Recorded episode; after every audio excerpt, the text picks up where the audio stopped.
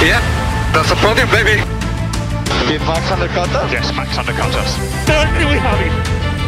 Certainly we have it. Yes, we have it. Good job.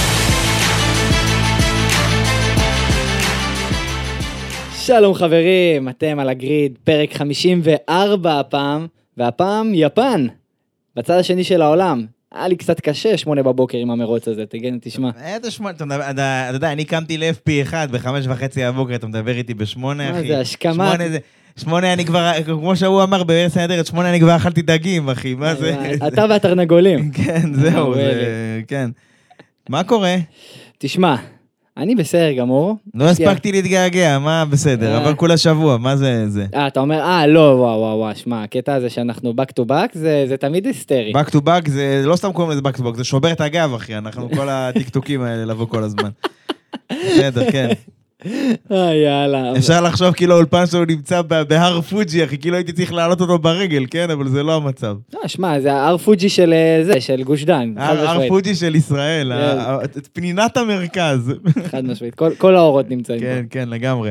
טוב, מה... אוקיי, יפן, סבבה, נחמד, חזרה לשגרה, רדבול לקחו את זה, סליחה, מקס לקח את זה, סחב את זה על הגב שלו, אפרופו כאבי גב. אה, גם את היצרנים, גם את הנהגים, סתם לא, את היצרנים זה גם פרז, אבל בגדול אה, הם זכו באליפות, רדבול זכו באליפות היצרנים השישית שלהם, השנייה ברציפות. אה, וזהו, אתה יודע, בוא... תשמע, פעם שעברה ניסינו לעשות ליינאפ, ניסינו, ניסינו, ניסינו, לא נצמדנו אליו, נתקענו על דברים אחרים, אבל אנשים אהבו את מה שנתקענו עליהם, שזה היה יותר אולי החלקים כן. הטכניים אה, מאוד, נגיד ככה. לא יודע אם זה יקרה גם הפעם, אבל אנחנו, כמו שאמרנו פעם שעברה, חבר'ה, לא להיצמד לליינאפ ולא לשלוח לנו אחרי זה בתיבת תלונות, יש דבר כזה, לא לשלוח לנו, היי, מה, לא דיברתם על פיאסטרי, בושה וחרפה וזה, דברו איתנו אחרי זה בפרטי. טוב, אז מה אנחנו כן רוצים לדבר? אנחנו נדבר על יפן, אנחנו נדבר קצת אה, מה שנשאר, כיסאות שנשארו, אה, ו- ולאן, ולאן כל אחד הולך, איזה נהגים, אה, כל הדברים שהשתנו מאז הפעם האחרונה שהקלטנו את הפרק. קצת נחזור על הדברים שדיברנו עליהם בפרק הקודם, וגם על דברים שהיו ייחודיים ביפן, שאהבנו מאוד ואהבנו פחות כמובן. נכון. ומעבר לזה, אתה יודע, גם אם מי, כל מי שככה מחכה לפינה טכנית, אז הכנו לכם איזה כמה דברים שיהיו בהמשך, בכיף כזה או אחר. כמובן, נדבר קצת קבוצות, וכרגיל, פינות, נדבר קצת על קטר, ונסכם בזה. נלך הביתה יום, אה, חצי יום, כמו שאומרים. כן, לקראת אה, סוכות, ממש לקראת סוכות. כן. אני מקווה שתקשיבו לזה בפקקים שלו, שאני מקווה שלא יהיה לכם פקקים, אבל בכל המועד שתיסעו לאיזה נקודה כלשהי, זה... זה. טוב, יאללה, בוא, בוא נצא לדרך. ואם אנחנו יוצאים לדרך, חייבים לדבר על ההשקה של האייפון החדש. מה, אה, אה, טוב, כן, הגיע נכון. לארץ האייפון 15 פרו, מקס, עם הגרסת טיטניום, מה זה? זה lightweight כמו המרצדס והצביעה השחורה. משהו כזה. לא, אבל אני פשוט רציתי להגיד לך ש- שאחד החברים שלי, שאני קורא לו יונתן האספן, מה, הוא- מה, יונתן האספן? כן, מה- הוא- מה- מה הוא אוסף? עזוב, אל תשאל שאלות לא שמע, זה אוסף קלפים של סופרגול, אחי, יש לו אסים של ברקוביץ' שהיה לו שיער וכבוד עצמי. עזוב. סתם, הוא אוסף דברים אחרים. אבל, אבל יונתן הזכיר לי שבפרק הקודם בסינגפור דיברנו על הקטע הזה של ה... גם של ההוראות הטכניות החדשות וכל הדברים האלה, של הקרש וכל העניין של הניצוצות של הטיטניום, והמלצנו לכם, או שלא המלצנו לכם, כי אל תנסו את זה בבית, למי שהספיק לקנות את האייפון 15 שלו, ש... אתה יודע, שבכביש יש 120 קמ"ש, שיוריד את זה לכביש לראות אם אה, ינוצרו ניצוצות. וואי וואי וואי. אז קודם כל, מאז התחדשו כמה דברים. קודם כל, בגלל, בגלל שהטלפון כבר יצא, אז יש ערוצי יוטיוב שכל תכליתם בחיים, כל ייעודם, כל uh, מקור הפרנסה שלהם, זה לקנות מוצרים כאלה ולנסות לשבור, לשרוף ולהרוס אותם. ויש איזה בחור כזה שעושה את זה. אז הוא לקח ב-120 קמ"ש בכביש 6? לא, לא, לא, עזוב, עזוב. עזוב 120 קמ"ש, סטטי, אפס קמ"ש, סדנה, שבר, לא יודע מה. קיצור, שבר את הטלפון הזה, ומי שקנה את הפרו-מקס, זה ארור, זה נשבר בקלות. אז אם אלון גריני מאזין לפרק הזה, תקשיב טוב לחלק הבא. רק המסגרת של הטלפון עשויה מטיטניום. כל המסביב, אלומיניום, זכוכיות, דברים כאלה, מן הסתם גם הגב שהוא מאוד שביר מזכוכית. אז אם אתם כבר רוצים לעשות את הניסוי המסוכן שלנו, תעשו את זה רק על הצד של הטלפון, לא על החזית. אני מבין שאת כל זה אתה גילית דרך הסרטוני יוטיוב של המטורלל? סרטון אחד, לא. סרטונים, לא עשיתי בינג', כולה שתי דקות, לא שעה וחצי. אז אלון. אם אתה מקשיב לזה, על הצד, אחי, על. הצד. כן, סליחה. אה, טוב, מעבר לשטויות, בואו נדבר קצת דברים שקרו מאז הפעם האחרונה שדיברנו. דבר ראשון, אוסקר פיאסטרי חתם במקלרן עד אה, סוף 2026, שזה וואו, יפה. וואו, מאוד. כי קודם כל זה שנה לתוך התקנות החדשות, ב' זה מראה על ההתחייבות שלו לקבוצה, שהוא מאמין בפרויקט, וג' יש את- אימא שלו, שהיא אחת הקרועות מצחוק בטוויטר, שהיא כל פעם מצייצת שטויות על זה, והיא צייצה של, מה, אנחנו לא הולכים לסבול את הדבר הזה עוד שלוש שנים עכשיו? כאילו, הכי, הכי אימא, כאילו, אתה יודע, כזה סופר גאה, אבל הכי פחדנית כזה, וזה, נוירוטית כזה, ו... אז שנייה, אם אנחנו מדברים על ליינאפ של פיאסטרי, לנדו הולך להיות עד 2026, ולנדו הולך להישאר עד 2028, כמה זה? לא, מה פתאום? לנדו לא חידש. לנדו עד סוף 25, עם 20 אלף כוכביות מעל הראש שלו ו-20 אלף סימני שאלה, שאתה יודע, זה בדיוק איזה קבוצה רוצה אותו, כן, רדבול. כן, כן. זה לא זה. אז קודם כל, פיאסטרי, זה שהוא הוא מחדש במקלרן, זה יפה, כי הוא בסך הכל, הוא הראה לכולם בעונת ה rookie שלו, בעונה, בעונת הבכורה שלו, שהוא שווה, שהוא היה שווה את כל הסיפור המשפטי, עם ל- ל- לקחת אותו מאלפין וכל הסיפורים האלה. הוא לגמרי הוא שווה את זה, כי הוא מסוג הכישרונות של מסתגלים מהר, וזה שהוא קרוב לנוריס ולפעמים מתעלה עליו, זה אומר המון על הנהג הזה. כן. ו- לגמרי. ואנחנו, יש כמה rookies שאנחנו נדבר עליהם בהמשך, שהם... שזה טיפה, אתה יודע, אולי זה מציג אותם באור לא הכי חיובי. אם, אם, אם הוא מסתדר ככה, זה לא מציג אותם באור הכי חיובי בעולם. אה, וזה זה. מעבר לזה, יש לנו גם עוד כמה דברים שנסגרו, וזה גם אנחנו דיברנו גם פה, וגם בקבוצה, וגם בטלגרם, אה, באינסטגרם, איפה שצריך, שסוף סוף הליינאפ של אלפה טאורי נסגר, ובהתאם לשמועות גם, הם החליטו להמשיך עם, אה, עם יוקי ועם דניאל. דווקא וואו. עם דניאל, שזה מפתיע ל-2024. שיש לו, אפילו אם אנחנו צריכים לציין, יש לו פחות תוצאות מאשר אה, ללוזון. ויהיה לו אפילו פחות, כי הוא אמור היה לחזור, אמור, בדגש על אמור, במרוץ הקרוב בקטר, אבל כנראה כל האינדיקציות וכל, לפי הדיבורים של הקבוצה וכל הדברים האלה, יש יותר סיכוי שיחזור בצורה מלאה באוסטין. זאת אומרת שכנראה שגם בקטן אה, לוסון ינהג. וואו. עכשיו, אתה יודע, אמרת את זה יפה, ישר העלית את הנושא של לוסון, וזה לגמרי, לגמרי, לגמרי, לגמרי מתבקש, שלוסון הוא דוגמה לרוקי, שזרקנו אותו באמצע החיים, במסלול כמו בזנדוורט, גשום, בלגן, מונזה, כל ה... בסינגפור, כל התנאים הכי קשים שיש, ובינתיים הוא עומד בזה גבורה. ובמרוצים היחידים שיוקי כן השתתף, שזה בסוזוקה, אה, בזנדוורט גם, אבל בסוזוקה, הוא סיים לפניו, שזה, וואלה, גם מכובד. בסינגפור. גם בסינגפור. נכון, אה, לא, לפניו. סינגפור אבל יוקי עף החוצה. אה. נכון, עם ה-DNF, כן. אה, דרך אגב, אני כן רוצה לחזור לאיזה מישהו ב- לשנייה וחצי, לדה וריז, מה שקראנו פעם נדב, חוץ מזה שהוא שיתף תמונות מהאוניברסיטה שהוא התחיל קצת ללמוד, בדיוק עכשיו אה, נודע שהוא הוא בעצם ימשיך עונה הבאה בפורמולה E, אפשר להגיד האחות החשמלית במרכאות של אה, פורמולה 1. איפה שהולך טיפה יותר אה, לנדב שלנו. נכון, הוא נהג שם עבור אה, מרצדס לפני כן, וזכה ו- איתם באליפות. כן. ועכשיו הוא הולך לקבוצה שנקראת מאינדרה, זה יצרן הודי, וזו קבוצה שהיא כבר מבוססת שם, עם, מיום, ה- עם היום הראשון של, של פורמולה E נמצאת שם, זה כאילו קבוצה מידפילד עליון אפילו, אפשר להגיד. זו קבוצה מכובדת שם, זה כבר כמו, כאילו, אתה יודע, כמו קבוצות אה, מוכרות אצלנו, כמו וויליאמס, כמו מקלרן, זה כבר כאילו, נכון, הסדרה הזו קיימת רק מ-2014, אבל היא הייתה שם, מה, מה, מה, מה, מה, אתה יודע, מהרגע הראשון, וזה כאילו, בדיוק... עכשיו הודיעו שהוא הולך לשם, אז קודם כל נחמד שהוא חוזר להתחרות, ועוד בסדרה כזאת תחרותית. כן. הוא צריך טיפה לשקם את המוניטין שלו שנפגע, אבל uh, כן.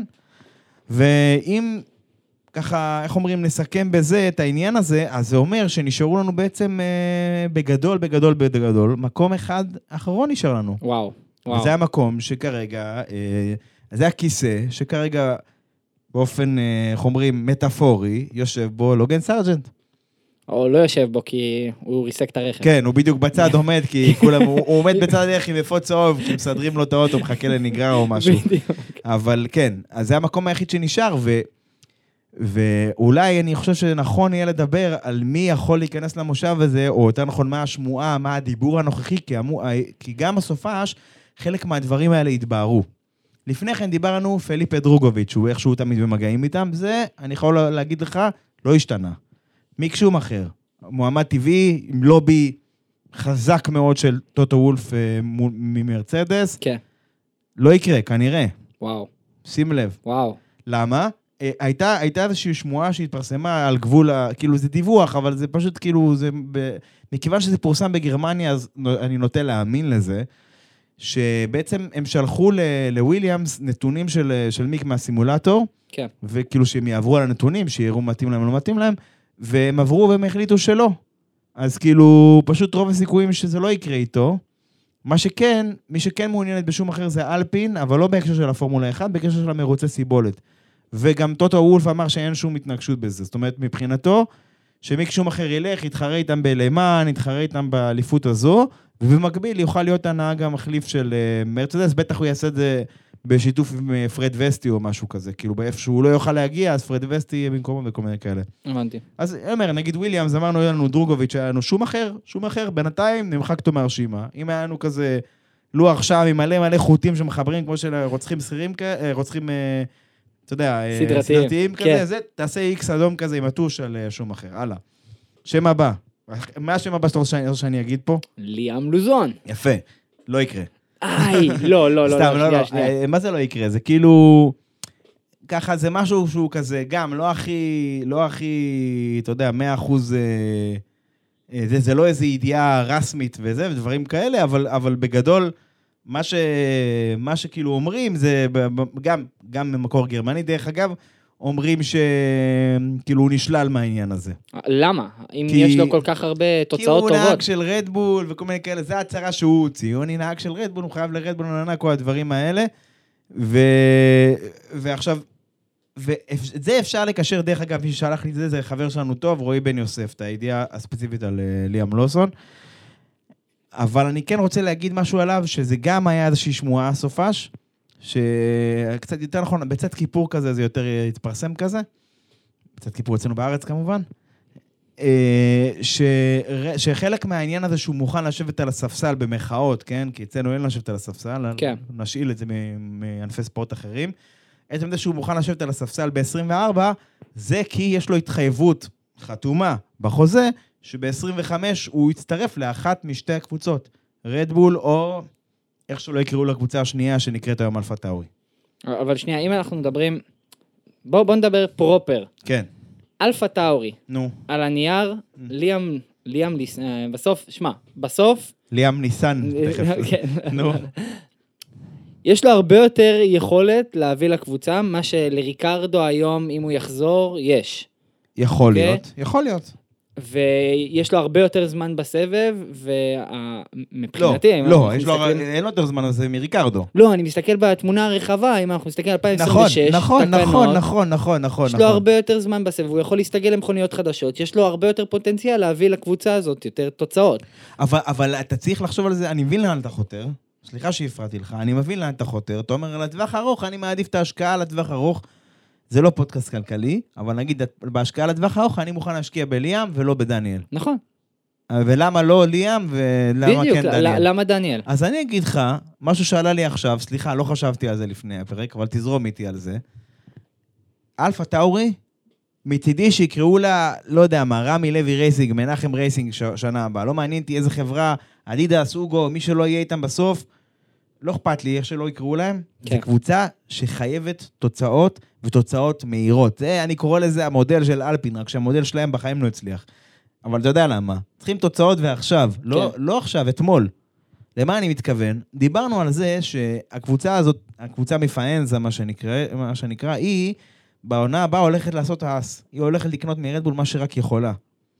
מיני רדבול, baby רדבול, העתק רדבול, כל השמות המפגרים האלה שעוד איזה חצי שנה כבר יהפכו להיות אה, רדבול, הכנס את השם של הצבע של הקבוצה שהם יהיו, רדבול ירוקה, ורודה, סגולה, כל השטויות האלה, הכל נכון, אין בעיה, בסדר, מה שתרצו.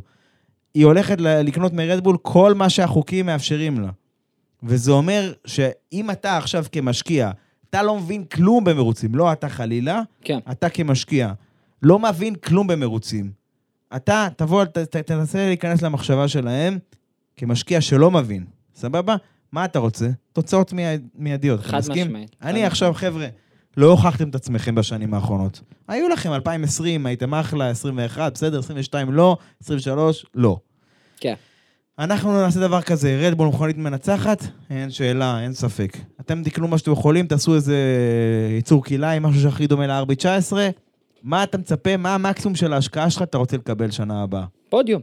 פודיום. אוקיי, או. פודיום, או מכונית נקרא לזה, כמו שאסטון התחילה את השנה? כן, משהו כזה? כן. היית מצפה לקבל על ההתחלה. כן, איזה style רייסינג פוינט, אם אנחנו מסתכלים כזה, איזה פודיום ככה, ניקוד גבוה. פודיום בהפתעה, בדיוק. בדיוק. אבל אני אומר, כמו שאסטון התחילה את השנה, היית רוצה מינימום להתחיל משם, נכון? נכון, נכון. כל דבר יותר מזה, הישג מפחיד, כל דבר פחות מזה, טיפה אכזבה. כן, אז למה אני אומר לך את זה? כי אני אומר, בהקשר של הקבוצה הזו, כמו שאמרתי לך בהתחלה, הם לא במקום שהם עכשיו צריכים איזה, הם צריכים מוכח. הם צריכים ניסיון מוכח, נקודה. נהג צעיר, במרכאות, כי צונודה זה כבר שנה רביעית שלו, ונהג בוגר או מבוגר כמו ריקרדו, שניים שהם יודעים לסחוב את הקבוצה קדימה, אה, מביאים איתם את ה marketing הנכון, בין אם זה גיבוי של הונדה, בין אם זה את ה marketing ברמה בארצות הברית, דברים כאלה, לשווק את אותו מותג, כן. שזה ריקרדו, ויכולות כמובן, שלא יעשו הרבה טעויות, שלא יהיה לך טעות. אם שנה הבאה אחד מהם יש לו יותר מדי ריסוקים וכאלה דברים, ישר השמועות שם יהיה, זה יהיה כבר פסקול, פשוט שמועות כבר אה, מרוב שישמעו אותן. אז כמו שאמרתי, הם צריכים אה, תוצאות מהר, ובגלל זה אני חושב שהם הלכו על דניאל. כי לוסון, אני מסכים איתך, כרגע ממה שראינו ממנו, זה אפילו קצת חבל, ואם הקטע על וויליאמס נכון, שלא יצליחו להשיל אותו לשם, זה אפילו חבל, כי בספורט הזה יש זיכרון קצר. ושנה שאתה יושב בחוץ, המון נהגים לא מצליחים להתאושש ממנה. תעזוב, אם אנחנו מסתכלים בנהג, אבל מה איתנו כצופים? אנחנו רוצים לראות את האקשן על המסלול. ובן אדם כמוהו, שהוא רעב להצלחה, הוא מביא את מה שסטרול ועוד אלפים כמוהו לא, לא מצליחים להביא. זה נכון. אני אומר, אה, אה, אתה יודע מה, הזכרת לי סטרול וזה עושה לי לא טוב, אחי. כי אני חושב עליו, אני חושב על, על, על לוגן סארג'נט, אני חושב על זה. שמע, לוגן סארג'נט, אני הכי בעד לתת ל rookies להתפתח, אני הכי רוצה שייתנו להם זמן, אבל כשיש לך rookie כמו לוסון, שאתה זורק אותו בתנאים הכי מאתגרים, והוא מסתגל למכונית ומשתווה פחות או יותר לבן הקבוצה שלו, יש שיגידו מתעלה, תלוי כמה הם אה, תומכים שלו, כמה הם כאילו לוסוניסטים, לא יודע איך להגיד את זה, לוזוניסטים. לא, אני אומר, אבל שיש לך דברים כאלה, ויש לך דוגמאות כמו פיאסטרי, ודוגמאות כאילו, אתה אומר, בואנה, כאילו, יש rookies טובים, שיגידו לך, עזוב, פיאסטרי הוא כל ה... יש את הביטוי הדפוק הזה, הוא חומר לאליפות. מה זה חומר לאליפות? איך מודדים את זה? בג'אולים, בקילוואטים, במה מודדים חומר לאליפות? לא משנה, יגידו לך, "אה, פיאסטרי הוא חומר לאליפות, יש לו killer instinct, יש לו זה, כל השטויות האלה שאנשים זורקים. כן. סבבה, נכון, הוא כישרון ענק. הוא כישרון ענק שלא רואים כל... אבל אני רוצה שתהיו איתי שלוש שניות, תהיו איתי שעה לפחות, כן? אבל עכשיו שלוש שניות. תשמע, אנחנו מדברים פה על ה-20 מקומות, אולי 22 אם אנדרטי ייכנס עוד איזה שנה, כן. אבל 20 מקומות שאני חושב שמי שצריך למלא אותם זה הכי טובים בעולם, נקודה. כן. לא פחות מהכי טובים בעולם, אין דבר כזה. סבבה, יש לך את סטרול, שהקבוצה של אבא שלו וכל מיני דברים כאלה, אבל חוץ מדברים כאלה, שזה כאילו, מה לעשות, זכותו, שלם, הוא יש לו ניקוד, יש לו הכל, באופן כללי, אתה רוצה לראות את הכי טובים בעולם. נכון. ואנחנו להפך, אנחנו רוצים לראות את הפיאסטרים הבאים, אנחנו רוצים לראות שיהיה לך גריד שמלא בפיאסטרים, זה הרבה יותר מעניין. נכון. אז כאילו, בעניין הזה, סארג'נט, למרות שהוא היה אחלה בפורמולה 2 ואחלה בפורמולה 3 בשעתו וכל הדברים האלה, בסוף, אם הוא לא עומד בלחץ מכל מיני סיבות, ואני גם דיברתי על זה השבוע במסגרת, אתה יודע, הקבוצה שלנו והאינסטגרם, כל הדברים האלה, על כמה שהוא עולה באמת לקבוצה, וכמה שהם עכשיו, כל הריסוקים האלה שלו, זה אומר שהוא לא מתחרה עם המכונית בגרסה הכי חדשה שלה. יש לו איזה משהו, ייצור כלאיים כזה, כנף מפה, זה משם, כל מיני דברים כאלה, והקבוצה צריכה להשקיע כסף, במקום להתחיל לחשוב על 24, היא צריכה לשים כסף על לייצר חלפים ל-23, וזה הדבר האחרון שהיא רוצה. כן. וכמו שאנחנו יודעים, הוא מוביל, הוא ה... בדומיננטיות מוביל את טבלת המשמידים שלנו עם כמעט 4 מיליון דולר נזק, וואו. וזה כאילו נזק מוערך, זה לא לגמרי הכל. אני רוצה לסיים את הנושא הזה בלהזכיר את מיק שומאחר שנה שעברה. מיק שומאחר שבר את האס הזאת 19 אלף פעם, גם הפעמים שהוא לא היה צריך, כולל בסוזוקה, שאז הוא היה בלחץ שהוא היה צריך להרוויח את המקום שלו, נכון. והוא עלה לקבוצה ברמת העדכונים, בגלל זה הם לא הביאו מספיק עדכונים בשנה שעברה, הם הביאו רק אחד משמעותי בהונגרורינג. כן. השנה למשל, אתה לא שומע את זה מהם. נכון. עשו- יש להם טעויות למגנוסן ולאולקנברג, אבל אתם לא מרסקים את האוטו 20 אלף פעם כל אה, שבועיים. שמע, אני רוצה לקחת אותך עוד פעם לנושא של אלפה טאורי, אמ, כי מבחינתי יש איזו קבוצה שאפשר לקחת אותה לדוגמה, ואני רוצה להשוות בין השניים. אלפה רומאו, שהולכים להיות עוד שנייה אאודי, נגיד. ובאותה מידה, אלפה טאורי שהופכים להיות אה, איזשהו החלאה לא משנה מה, כן. ודווקא אלפה רומאו נשארת עם הצוות נהגים הנוכחי, כי הוא חשוב לה והם רואים בו איזה פוטנציאל. אני. לא, לא איתך בזה. היא לא נשארת. היא נשארת לבינתיים, היא נשארת ל-24, היא לא תשאר איתם ב-25, איך אני יודע? אה, תיאו פורשר, שהוא היה מהמועמדים שהתחרה עכשיו עם, ג'ו על המקום השני באלפה רומאו, כן. כבר אומר שיש איתו דיבור על 25. גם הוא, כמו לוסון, מבטיח את עתידו ל-2025. עכשיו, טוב, מי אמר שהוא באמת יהיה שם? למה אני, למה התחלתי להגיד לך קודם? כן. שבספורט הזה יש זיכרון קצר. שנה הבאה יבוא מישהו לפורמולה 2, ישרוף את הגריד. פתאום כולם יסתכלו עליו, מי זה הכישרון הזה? עכשיו אני רוצה אותו במכונית שלי. אז כאילו כבר לא מעניין פרד וסטי, ולא מעניין אה, אה, ליאם לוסון, ולא מעניין זה, כי יש את הדבר החם הבא, ויש מישהו כזה, דיברנו עליו. נכון. אם הוא, והוא של מרצדס דרך אגב, אבל אה, אתה יודע, אם הוא באמת י, יפתיע, יעמוד בהבטחה הזאת, אז הרבה, הרבה עיניים ייפתחו עליו. בספורט הזה יש זיכרון קצר, ולשבת שנה בחוץ זה לא עושה טוב לכל אחד, ולכן אני לא בטוח ש... שזה גם מה שיציל את פורשר, אבל אני גם אגיד לך במשהו שאני כן בטוח בו. אני לא חושב שבוטס וג'ו יישארו שניהם, יכול להיות שרק אחד מהם, אני לא בטוח ששניהם יישארו ב-2025. כי ראית כמה ג'ו היה לו קשה להישאר רק את השנה הזו, להאריך את החוזה הזה כולה לשנה, הוא רצה חוזה לכמה שנים, זה היה כל הוויכוח. כן. היה בטוח שהיו עוד ויכוחים, אבל זה מה שאומרים שה... רצה- יכיסה לה המחלוקת, אבל... בטח רצה עוד בקטרינג. כנראה. אה, שיפנה לרדבול. אבל אה, בגדול, אתה יודע, אני, אני לא, נשמע שהאאודי כבר מתחילה להתחיל לקבל שם החלטות, נשמע שהם מתערבים בדברים האלה, נשמע שהם כבר התחילו לבחוש. עזוב שהמכונית לא תחרותית מספיק, עזוב את כל הדברים האלה בינתיים. אבל אני לא חושב שהם ימשיכו איתם. אני חושב שהם יתחילו לחשוב על דברים אחרים, על אופציות אחרות, והם צריכים לחשוב. הם צריכים לחשוב, הם צריכים לצמד, לדעתי, המודל הזה של אחד צעיר, אחד מבוגר, זה מודל אה, שיוכיח את עצמו, כי כנראה ש, ששניים מבוגרים, במרכאות, כמו אה, אולקנברג ומגנוסן, זה פחות אה, זה, כי צריך להשאיר מקום גם לדור הצעיר, אבל לדעתי זה יוכיח את עצמו. ויכול להיות שזה מה שטוב באלפה רומאו, ללכת איזה מישהו, בלי שמות סבסטיאן פטל, אבל אה, לא סתם, בטח הוא כבר לא יוצא אז, אבל אני אומר, קח אפילו איזה מישהו, אפילו את אולקנברג, אפילו את אולקנברג לאיזה שנה, שנתיים, 25-26, תביא איתו איזה מישהו צעיר מבטיח, שישתווה אליו, ואז אחרי איזה שנתיים, ב-26 תחליף את אולקנברג, תביא איזה מישהו קצת יותר, אה, אולי איזה סיינס, איזה מישהו כזה. כן, אה, אני מסכים איתך. בואו מכאן, אה, נראה לי מכאן ניקח את הנושא ונדבר שנייה על אה, חוק מונזה, שהיה כן, לנו. כן, אז זה, זה משהו שהוא כזה, באמת, שני דברים קטנים אחרונים שהיו בסוזוקה שחשובים.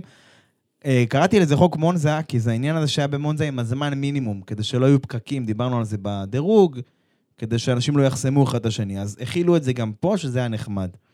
וגם יש כמה חבר'ה שנחקרו, בסוף לא קרה כלום. אבל בכל מקרה זה נחמד שהוסיפו את זה, שוב שהתערבו. וזה דבר טוב שהם עשו. מה הדבר, עוד דבר טוב וחיובי שהם עשו? הם הודו בטעות. אנחנו דיברנו על זה בסינגפור, שלדעתנו, אה, דעתי האישית, בזמנו, אני לא זוכר בדיוק אה, איפה אתה אמרת, אני חושב שגם אתה הסכמת איתי, כן, שהקטע הזה שמקס היה לו שלוש עבירות, אבל הוא קיבל הערה לתיק האישי, כמו שאני קורא לזה, זה היה בדיחה. והשופטים הודו בפניהם שהם טעו, והוא היה צריך לקבל, גם הוא וגם סרג'נט היו צריכים לקבל עונשי מיקום.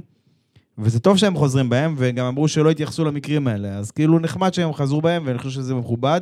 שאלה, מה יהיה בעתיד? כן, זה- זה שאלה, ובאמת אה, אנחנו נראה את זה נראה לי במרוצים הבאים. סבבה. טוב, בגדול, נדבר קצת על המרוץ, קצת על האסטרטגיות שהיו, דברים, אירועים מרכזיים, כמו שאנחנו חייבים לעשות, לא יהיה כל כך כרונולוגי. תשמע, בניגוד, בניגוד מוחלט לסינגפור, לא הייתה שום תחרות על הניצחון. שום תחרות, באמת. בזינוק, איכשהו נוריס יצא לפני ורסטאפן, אבל איך אומרים, הוא לא התחייב, הוא לא לקח את זה עד הסוף, הוא לא... אין, אין מילה אחרת, אין לי איך דרך אחרת להגיד את זה. הוא, הוא, לא, הוא לא נכנס לפנייה, הוא לא נכנס לביטחון, הוא כאילו הגיע מקביל איתו וויתר. כאילו עכשיו, אני חייב להודות שכל נהג אחר כנראה היה נכנס. כן, רוב הסיכויים. רוב הסיכויים. עכשיו, אני אומר, אני אומר, למה, למה? כאילו, מצד אחד זה מראה על, על האופי המחושב של נוריס, הוא יודע מתי לוותר, הוא יודע, מי שעוקב אחריו גם, אתה יודע, בסדרות ה... מהתקופה שלו בפורמולה 3, מהדברים האלה, הוא גם אז ידע מתי לוותר, מתי זה.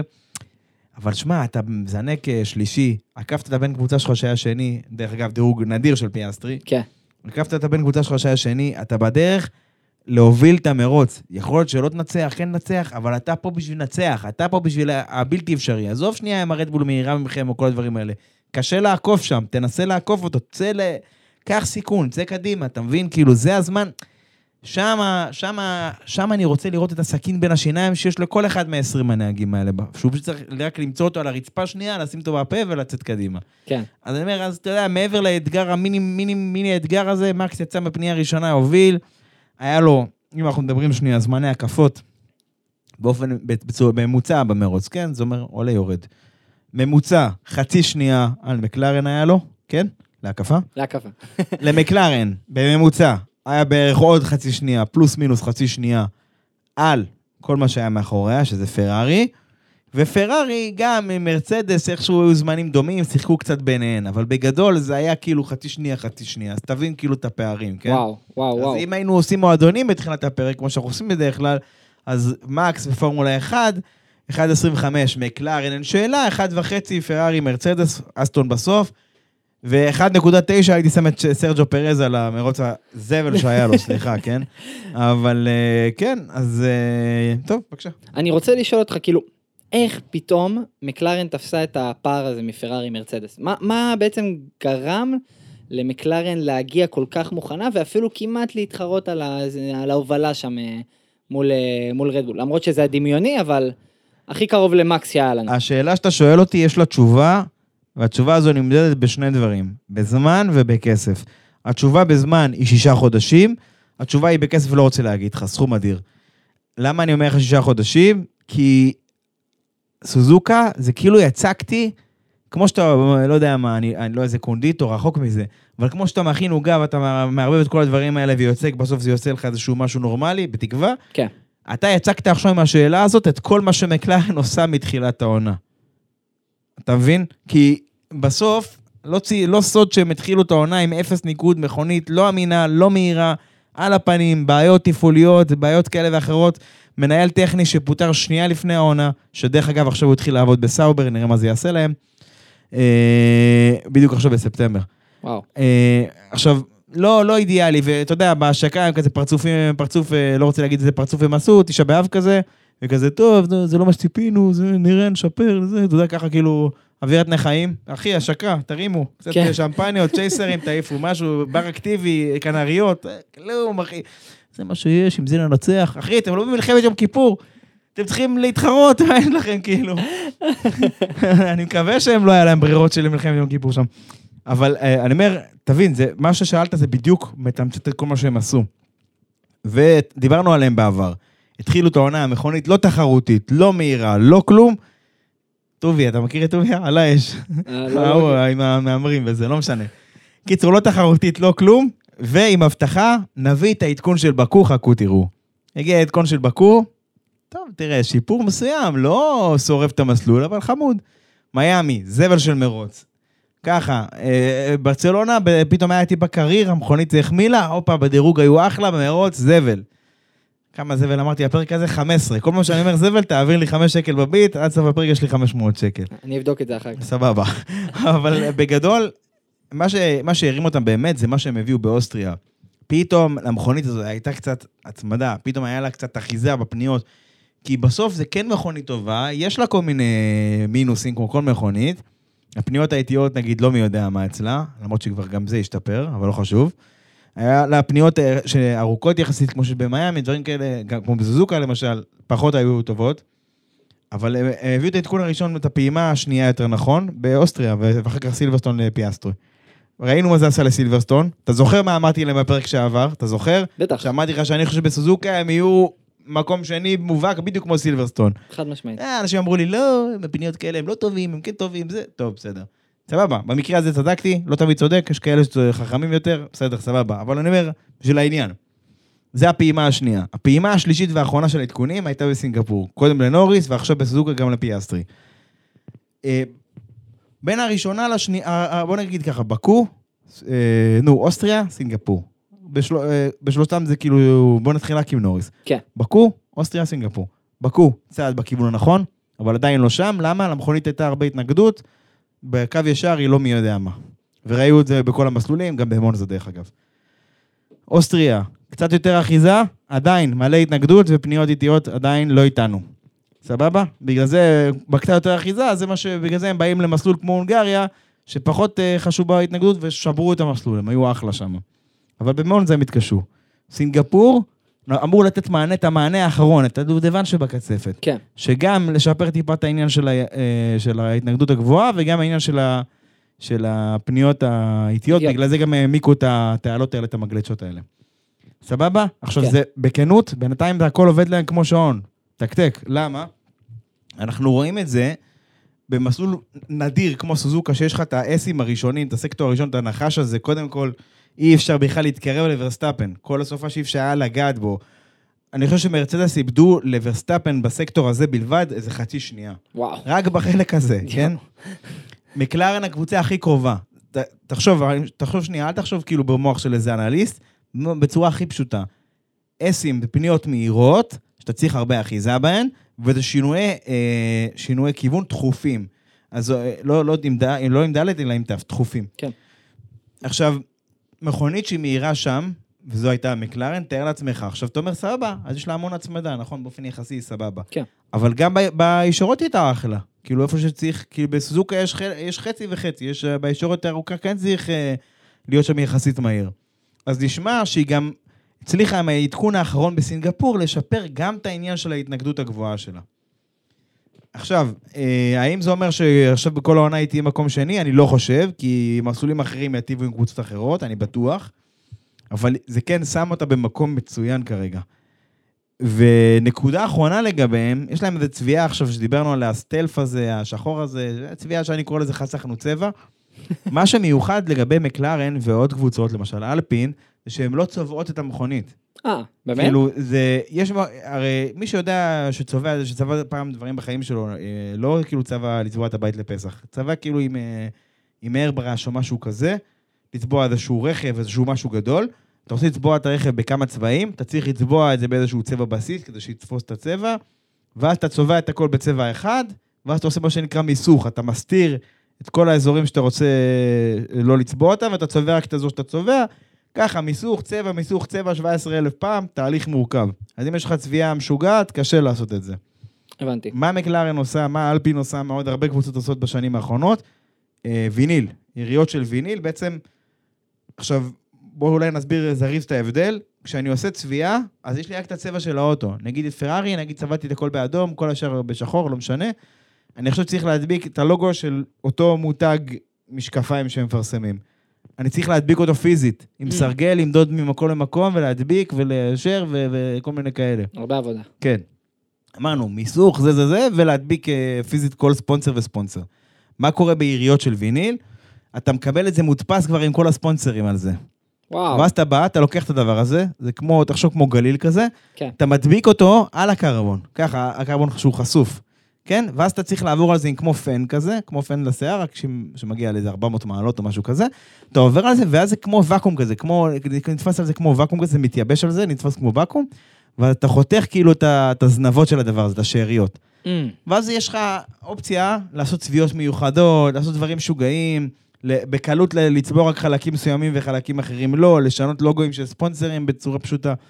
אז זה מה שמקלרן למשל אה, עשו, זה מה שאלפין למשל עושה. אני, מי שרוצה אחר כך תגידו לי ואני אשלח לכם סרטון איך זה, אחת הקבוצות עושות את זה, זה נחמד. גם ככה למשל אלפין יכולה בקלות לעבור מוורוד לכחול, מהצביעה של תחילת העונה של הוורוד לכחול. היא לא צריכה עכשיו לשייף את כל הצביעה מהאוטו, לצבוע עכשיו בצבע בסיס כלשהו, בכחול, כל הדברים האלה. לא, פשוט מקלפת את הדבר הזה, את המדבקה הזאת, מדפיסה חדשה, מעבירה, אפשר לעשות את זה בכמה שעות עבודה. עכשיו, אה, לגבי העניין הזה של הוויניל, אומרים שיש לזה איזשהו יתרון משקלי מסוים, שזה אמור להיות טיפה יותר קל מצבע, ואנחנו נדבר על זה בהמשך הפרק בהקשר קצת יותר אה, חביב. מעניין. ממש מעניין. טוב, יאללה. טוב, מכאן נראה לי, אנחנו חייבים לדבר קצת על אה, מרצדס. לגמרי. במיוחד על המרוץ שלה מול פרארי, גם אמרת את זה במועדונים. מרצדס ופרארי ישבו על אותה נקודה, ממש על אותה משבצת, וממש שיחקו במהלך המרוץ ביניהם. אבל בואו נדבר שנייה על המהלך המקדים לכל המשחק בין פרארי למרצדס, זה היריבות במרצדס עצמה. בעצם מה שהיה זה המילטון מאחורי ראסל, ראסל אה, בעצם דוהר קדימה, ובעצם הם שניהם מתחילים לריב אחד על השני, ו- וככה הם free to go, free fight. בעצם כן, ה- לפני כן המילטון, לפני כן היה לפני ראסל, אה, לא משנה, היה שם איזשהו קרב, ראסל מצליח לעקוף אותו, המילטון חוזר חזרה בישורת, כמו שאמרת, מתחילים לריב, כן.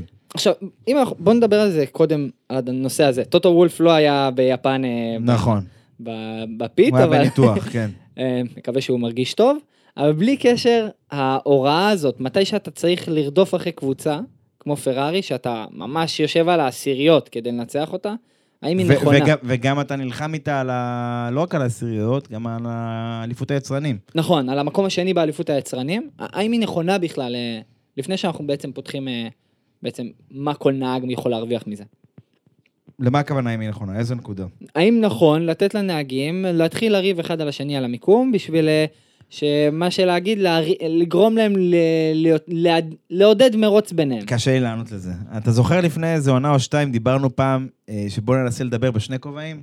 כן, כובע של מנהל קבוצה, כובע של אוהד, כובע של דברים כאלה, אז אני, אני באמת אנסה להסתכל על זה מהמו- מה, מהמובן הזה, כי, כי אם אני שם את הכובע של האוהד רגע, כן, בטח, תריבו, כן, בטח, אני רוצה לראות שהם מתחרים, בדיוק כמו ששמחתי לראות את פרארי מתחרים במונזה, שזה כן. היה מסוכן, וזה היה זה, ובדיוק כמו ששמחתי לראות את, אותם, את מרצדס מתחרים בסינגפור. כן, מהכובע של האוהד אין שאלה בכלל.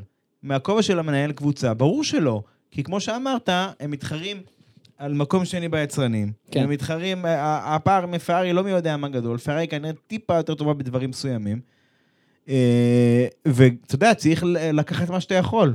אתה בדיוק בשלב הזה של העונה, שאתה צריך להרוויח את הנקודות הקטנות האלה. ארבע נקודות שם, שמונה שם, עשר שם. כן. זה בדיוק מה שיעטה את הכף, ובסוף העונה אה, יאפשר לך לסגור את הפער, אה, או להגדיל את הפער מפרארי, בוא נגיד ככה. השאלה הגדולה, אז מה הייתה ההנחיה הזאת לתת למרצדס, כאילו, ה- לתת לנהגים את היכולת להתחרות ביניהם? זה היה בסוף הוראה קבוצתית, הם אמרו. כן, אבל זה לא ההוראה שהגיעה מטוטו דרך אגב. טוטו התערב להפסיק את זה, לא להמשיך את זה. אה, באמת? כן, זה לא היה, הוא לא אמר חבר'ה תריבו, להפך, הוא היה צריך להתערב מרחוק, כדי, כי, הוא, כי הם ראו לאן זה הולך, הם ראו שזה לא הולך למקום טוב. אבל בסוף, בסוף, בסוף, בסוף, אם אנחנו רוצים שנייה לפרק את זה לתרחישים, כי בסוף יכ, יכלו לקרות כאן, כמה, לקרות כאן כמה דברים שונים. סבבה? אני חושב שאם ניקח את המקרה של מרצדס, שנייה, אתה יודע מה? בוא נגיד רגע מה כן קרה, ואז נגיד מה, מה אנחנו חושבים שיכול לקרות. בקיצור, אה, הם רבו ביניהם, כמעט הוציאו אחד את השני מהמרוץ. ראסל החליט שהוא הולך על עצירה אחת, במרוץ שכולם הלכו על שתי עצירות, כי הייתה שחיקה יחסית גבוהה, בתקווה שלקראת סוף המרוץ הוא יילחם עם נוריס והחבר'ה האלה על הפודיום. סבבה? נכון. המילטון, שתי עצירות.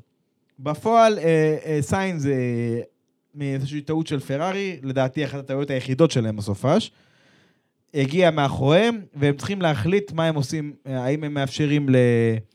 מנסים לעשות לסיינס את התרגיל שלו עליו, זאת אומרת שג'ורג' הוא יותר איטי, יישאר מקדימה, והמילטון אה, עם, ה... עם ה-DRS כאילו ימשכו אחד את השני, וככה יעקבו את סיינס, יקשו את סיינס לעקוף, וכל מיני אופציות כאלה ואחרות. כן. מה שקרה בפועל, הם החליטו שהמילטון יעבור, שהוא היה מהיר יותר, המילטון עובר, סיינס עוקף את ראסל, והוא כמעט עקף את המילטון עד סוף המרוץ. ככה נגמר, בסוף המילטון סיים אה, לפני לפני. סיינס, כן.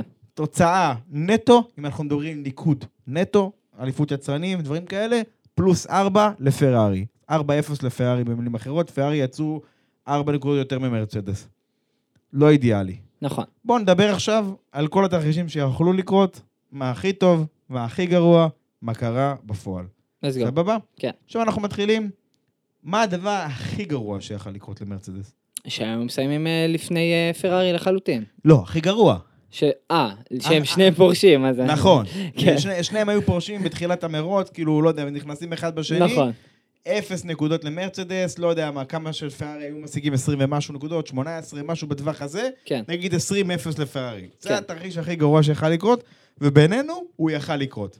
נכון. זה לא כזה, זה לא כזה, אתה יודע, מונפת, זה לא כזה דמיוני, זה לא כזה זה, כי יש פה איזו מגמה ברורה, אתה יודע, חברנו משה מימון, שהוא, יש לו את הסיכומים שלו בקבוצה, הוא כל הזמן, הוא ככה אוהב להצביע על הדברים האלה של היריבות שהולכת ונבנית שם במרצדס, ויש בזה איזשהו משהו. נגיד בספא, אתה זוכר שהיה את הזה. שהיה את העיכוב ביניהם, ובברצלונה הם נכנסו אחד בשני בדירוג, ושכאילו הם לא, לא תיאמו ביניהם הצוותים, וכאילו מרגיש שראסל, רוצה כזה כבר, יאללה, אני רוצה להוכיח את עצמי, אני מספר אחת בקבוצה הזו ואני אעשה את זה עכשיו, ואני מכתיב את האסטרטגיה, וחבר'ה, כדאי שנעשה ככה, אם אנחנו רוצים לנצח, וחבל שנריב בינינו, ו... ו... ו... כאילו החניך תורן הממלכתי הזה שהוא, אתה יודע, כן, חבל שנריב לטובת הקבוצה, מה טובת הקבוצה, בסוגריים לטובתי. כן. הבנת. אני, אני לא, זה לא ביקורת אה, proper עליו, אבל זה גם ביקורת עליו. בסוף, אה, אפשר להגיד שב-2022, ב overall, ב overall הוא היה קצת יותר טוב מהמילטון, שהמילטון היה, ששניהם היו מכונית די גרועה, והוא רגיל למכוניות גרועות, והמילטון לא. השנה, אני חושב שמרגע שהם שינו את המכונית שלהם במונאקו, זה לגמרי הולך לכיוון של המילטון. אולי בדירוג, ל- לראסל יש setup ים שיותר מתאימים לדירוג, וזה מאפשר לו, אבל רואים שבמרוצים, המילטון, אם הוא לא מדורג מעל ראסל, הוא תמיד משיג אותו. כן. ותמיד ההפרש מהירויות הוא כזה של כאילו, תחליפו ביניהם, כאילו, אתה מבין, בסינגפור זה היה כל כך בולט, אבל דיברנו על זה ש, שהם לא היו צריכים להתערב, כי טוב ש, שינסו, תיתנו לנהג הראשון את הצ'אנס, אבל כאילו, ההפרשים הם בולטים. דרך כן. אגב, גם כאן, ותכף אנחנו אה, נדבר על זה, כי בואו נמשיך שנייה עם התרחישים שלנו. אז התרחיש הכי, גר- הכי גרוע יכל לקרות, ולא קרה. מה הדבר השני הכי גרוע שיכל לקרות? שסיינס היה עוקף את שתיהם.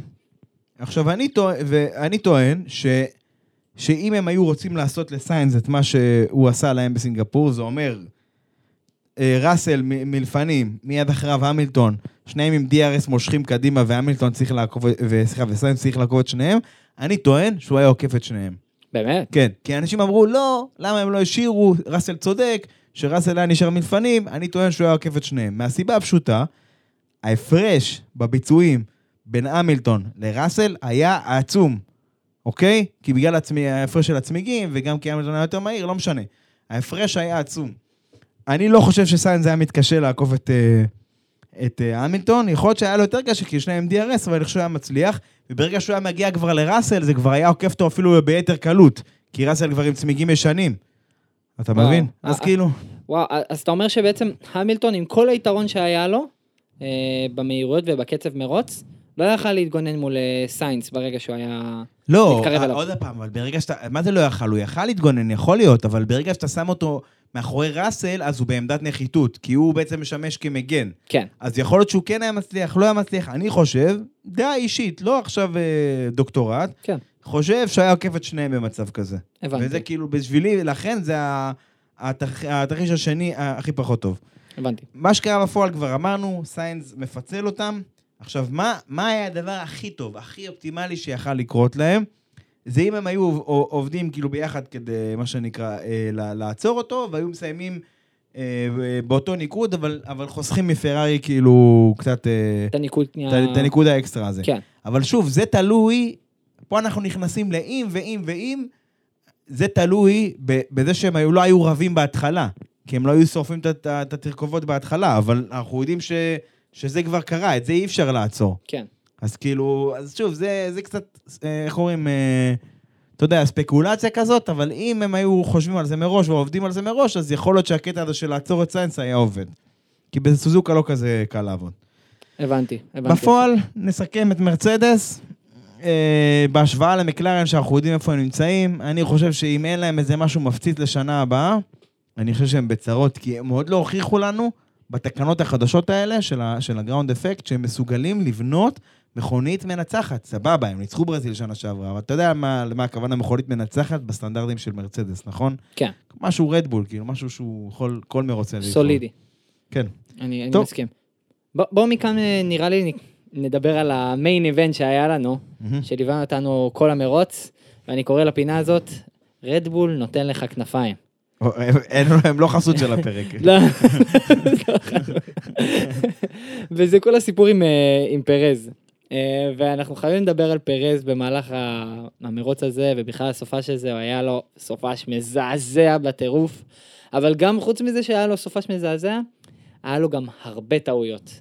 ואם אנחנו מדברים על הטעות הראשונה של בזינוק מול, מרצ... מול המילטון, שהוא נכנס בו, והחליף בגלל זה כנ- כנף בפעם הראשונה במרוץ, ואז בפעם השנייה שהוא פשוט עשה dive bomb לקווין מגנוסון ב- ב hairpin. ו- בספון, כן. בספון, ו- ופשוט משם אה, הוא היה צריך לפרוש, כי לא, לא היה שווה ל- ל- ל- פשוט לרדבול להמשיך במרוץ. כן. ו...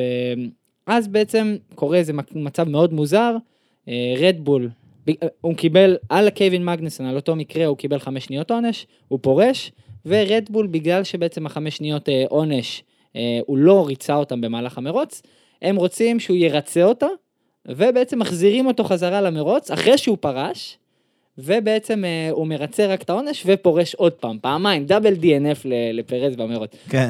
או דאבל DNF ל- לרדבול ועדיין מקס מנצח. זה- זה- אם זה לא היה שם של 19 מילים, היינו שמים את השם של הפרק, אבל כן.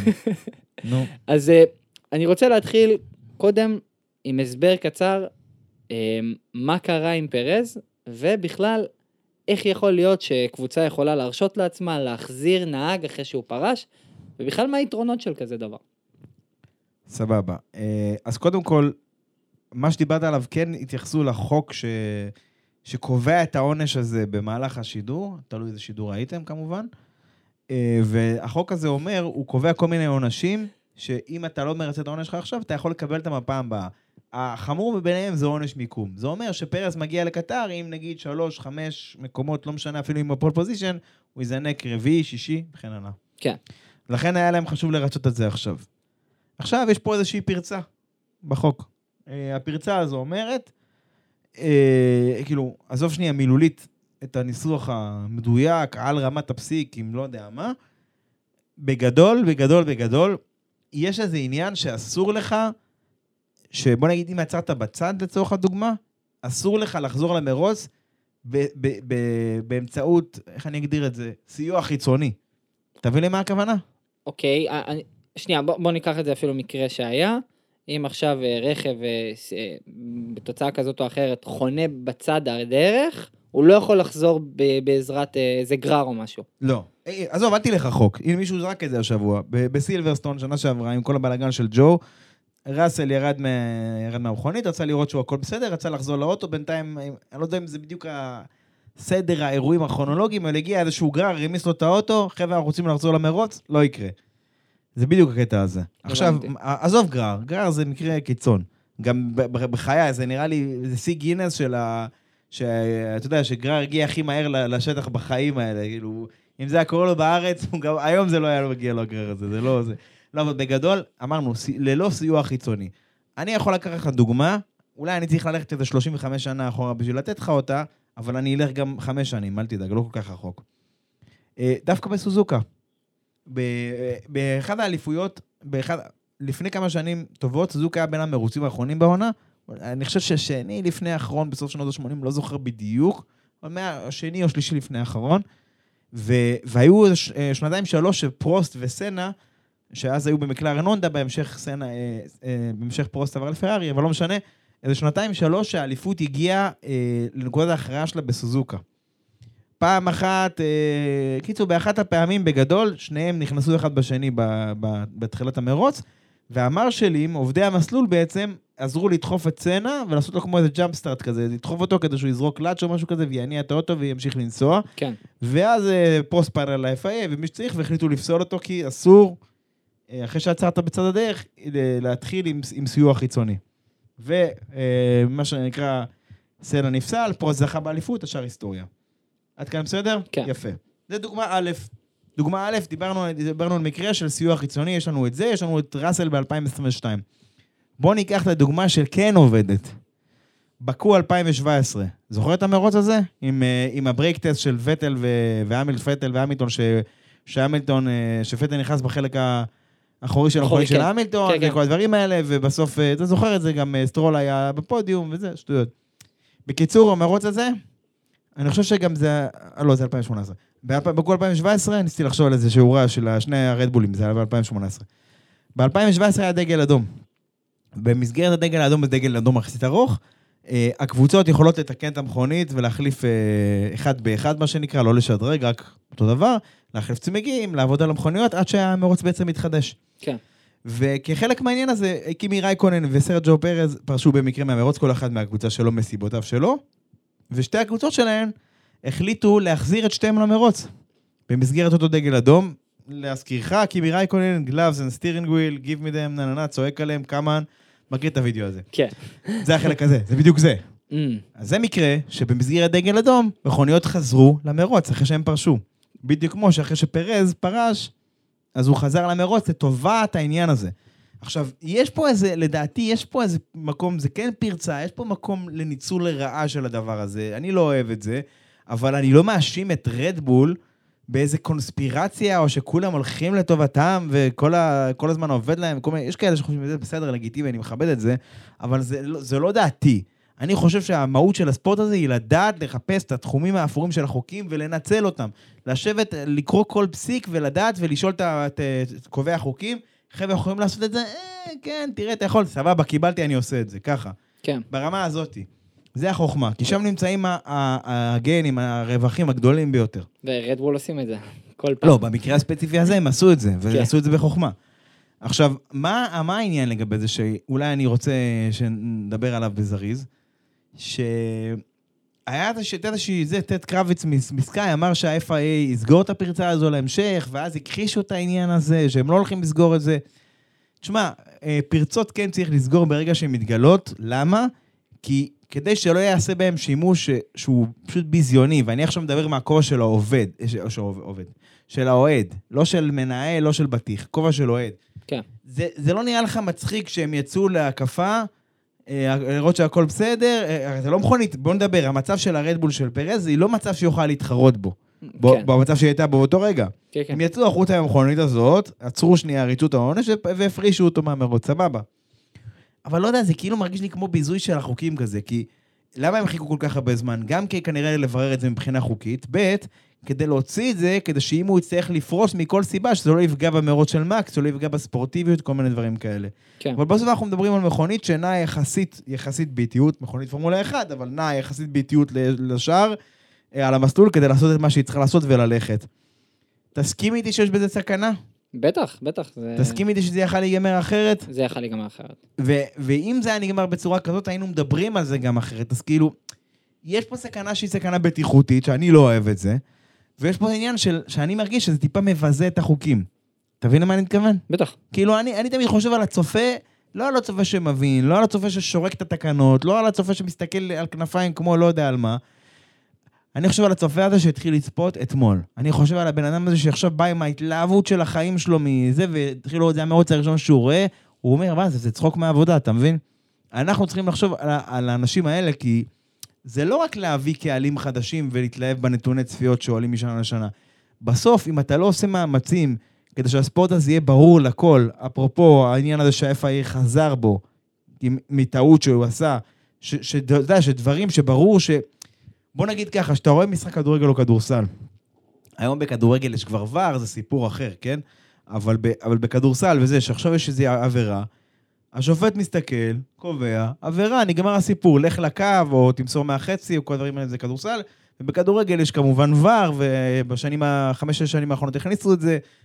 עושה אמצעי ריבוע עם היד, הולך מתייעץ, בלאגנים, יש פנדל, אין פנדל, אפשר להתווכח, כן היה, לא היה, אבל אין, פה זה נעצר. נכון. אין, אין ויכוחים, ואחרי שנגמר המשחק, נגיד, סתם, נתנו לארגנטינה פנדל במונדיאל, סתם אני אומר, לא הגיע להם. לא עכשיו, אה, כן. לא כן. אומר, נגיד, לא הגיע להם.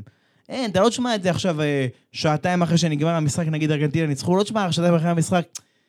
תשמע, לפי זה הוא היה צריך לתת להם. לא, אנשים פשוט התבאסו שהוא נתן להם, והתקדמו על החיים שלהם למשחק הבא, אתה מבין? ככה זה צריך להיות. כן. כאילו, השופט קיבל את ההחלטה, זה ההחלטה, סגור, נעול, בדוק, נגמר הסיפור, מתקדמים הלאה על החיים. זה, זה מה שצריך להיות גם בפורמולה 1. כאילו, זה לא צריך להיות איזה קרב משפטי, ואחרי זה, שעתיים אחרי המרוץ, אנחנו עדיין כמו איזה אה, אה, סטודנטים בספרייה של הארי פוטר, אחי, פותחים, מחפשים את הכשפים הנכונים, להסביר, לתרץ את העניין הזה, כאילו... לא חושב שצריך להיות ככה. יש עדיין אנשים שמנסים להעביר משפט, ולהצדיק את הניצחון שלהם, אחי. פליפה מסה, 15 ש... אחי, זה הדוגמה, טיפ לחיים, קבלו מהגריד, מאיתכם. תלמדו לשחרר בחיים, אחי. 15 שנה, אליפות, די, התקדם, מספיק. כאילו, אני לא אומר שהוא לא צריך אה, לבדוק מה הוא יכול לעשות מבחינה משפטית, אבל כן. תעשה את זה בשקט, לא צריך לתת יותר בכותרות. תראה, יש לך עורכי דין, יש לך כסף, ברוך השם. תביא עורכי דין, אחי, ש... שרוצים אנשים שרצחו אנשים וזכאים, לא יודע מה, משהו כאילו קרישים של החיים. תביא אותם, תראה אם יש לך כס, אם יש לך כס, תעשה את זה בשקט, שלח להנהלת הסבב, ל-FA, לכל החבר'ה, למי שצריך, לבן אקלסטרון את ההתראות. צא למשפט, לא, עכשיו בוא נעשה רעש, אותי, אתה יוצאת, כאילו, סליחה על הביטוי, אתה יוצא טמבל. כן, אני מסכים. אבל בוא נחזור שנייה לפרז, אני רוצה להעלות כמה שאלות שחשובות. א', דבר ראשון, הנושא הזה של מה מבדיל מרוץ לדירוג. אם עכשיו רכב אה, קורה לו מקרה דומה לשל פרז, האם בדירוג יכול להיות כזה דבר? כזאת אופציה. מה הדירוג? שבעצם הרכב שפרש בדירוג יכול לחזור. לא, כמובן שלא, גם אין זמן. אין זמן, כי גם אתה לא, אתה מוגבל במה שאתה יכול לסדר, כאילו, בגלל העניין של הנעילת הצורה של הפארק פרמט, אתה לא יכול עכשיו להתחיל להחליף חצי אוטו, גם אין לך זמן לעשות את זה. וב' אתה כאילו, כל דבר שתעשה, שהוא, הוא, שהוא בעצם פותח את אותה נעילת הצורה, הוא פשוט יגיד לך, סבבה, אז תזנק לך מהפיט ליין, כאילו, מהסוף. זה לא... אלא אם כן זה, זה, זה תיקון שאפשר עם, אתה יודע, עם דבק או משהו לעשות במקום ותחזור זריז, כאילו... כי הרי מדירוג אין פרישה. יש כן. כן. מקסימום אתה תקוע במוסך מאיזושהי בעיה כלשהי ועובדים על האוטו שלך. אם תספיק לצאת בזמן ולקבוע הקפה מהירה, ש... ת... בוא נקרא שמה שנקרא, ת... תזכה אותך לעלות לדירוג הבא, למקצה הבא, סבבה, אבל אם לא, אתה איפה שהיית. ואם אתה היית צריך להחליף יותר מדי חלקים, אתה מזנק מהסוף, זה פשוט, זה לא איזה משהו זה. הבנתי, והנושא, השאלה הבאה זה כנפיים, כמה כנפיים ספייר יש לכל אה, רכב? שאלה? טובה, אני חושב שיש אחד לכל נהג ברגיל, בכל סופש. אה, ואם לרדבול היה יותר, אז היא שרפה את היותר שלה בסופש הזה. אני חושב ש... ש- אה, אתה יודע, לקחו את המדבקה של האחד מהכנף של מקס, הדביקו ליד עוד אחד, אה, העבירו כבר... כאילו גם... בוא נגיד, אם מקס היה עושה תאונה, לא היה לו מה להחליף כנראה. סתם לא. בגדול, אני מאמין שלכל לכל תצורה יש בערך ספייר אחד, לא מעבר. כי גם בגלל העניין של, של הגבלת תקציב, גם בגלל העניין שצריך לשנע את הדברים האלה, גם בגלל העניין של המון דברים. כאילו, ברור שלכל קבוצה, פעם נגיד היה מכונית ספייר, מכונית שלישית לכל קבוצה. ואז אם מישהו עושה תאונה במרוץ, אפרופו, היה חוזר בקטנוע ל- ל- לפית, עולה על המכונית ומצטרף חזרה לגריד. גם אם זה היה כאילו דגל אדום או לא דגל אדום, הבנת. כן. היום, דרך אגב, אסור שלוש מכוניות. וזה מה שקרה לסרג'נט, בגלל זה הוא נענש לפני המרוץ, כי אומרים שהמכונית הרזרבית שלהם, השלדה, הספייר שלהם, היא הייתה, נקרא לזה, איך אני יכול להגיד את זה, בנויה מדי. כאילו, שלדה spare צריכה להיות א', ב', ג' חלקים, או נגיד 50% מורכבת במרכאות. לא בדיוק 50, אבל הבנת. כן. והם כנראה שהם הכינו את זה מראש, אולי הם צפו שסרג'נט יתרסק או משהו. בדיוק, עולה לי את זה אז גם הם בראש. כאילו נפלו על תקנות של מכונית שלישית במרכאות, אז זה מה שקרה. הבנתי. טוב, מכאן בואו ניקח לפינות שלנו. אז נתחיל ב post position, אותו בעצם הפינה המוכרת שבו אנחנו נותנים לכם אה, כל איזה תגובה, פוסט מעניין שהעליתם, אז אנחנו כאן נותנים את האופציה ככה לקנח ולתת לכם את ההזדמנות להיות כאן בפרק, אז אה, נתחיל נראה לי בדבר הכי... אה, טוב, יאללה, בואו נתחיל עם אה, נים ברינשטיין, אה, שהעלה לנו כזה תמונה של פטל מבקר ברדבול. על. אזרחי, על מדס. מה זה על מדס? אחרי ריצה של אה, 10 קילומטר. הוא באמת, הוא באמת היה אחרי ריצה בתמונה הזאת. כן, מי ש... אובר מהטלגרם, היא נסעה למרוץ, והיא אמרה שאחרי הראיונות של הנהגים בדירוג, הוא דופק שם ריצה במסלול, כאילו זה, לא יודע מה, ברור. יאללה. סליחה, תמשיך. והפוסט כתוב אה, כשאתה כבר מילואימניק ובא לבקר את החבר'ה ביחידה. זה לגמרי. ככה. זה באמת נראה ככה. אה, הדבר השני זה שתומר רום שלנו, אה, הגשדורים הפעם יצאו על יום כיפור, אז היה חייב ככה לקנח בסליחות 2023 במקום גשדורים. אה, אז ככה, מי שרצה לבקש סליחה יכל לבוא בגשדורים של השבוע ולפרוק את הלב. והדבר האחרון זה אריאל אלקין, שעשה פוסט והוא תייג את ליז, אה, שקיבלה כאן הרבה pole position, כי באמת אה, ליז אה, מפציצה, והוא דיבר על זה שליז עזרה לו לעצב את הקסדה שלו. הקסדה שהוא, שהוא מתחרה ולא בה. בפעם הראשונה, כן. דיברנו על זה נראה לי. זה פעם, פעם שלישית או רביעית שכבר עוזרת לו עם זה. עכשיו, אני חייב לציין שזה צביעה מטורפת של ריק ומורטי. בדגש על המטורפת, כן. וואו, היא, היא כן, היא, היא מגניבה בטירוף עם אה, מגן דוד מעל, אתם חייבים לראות את זה אם אתם אה, ככה לא ראיתם, זה בפ...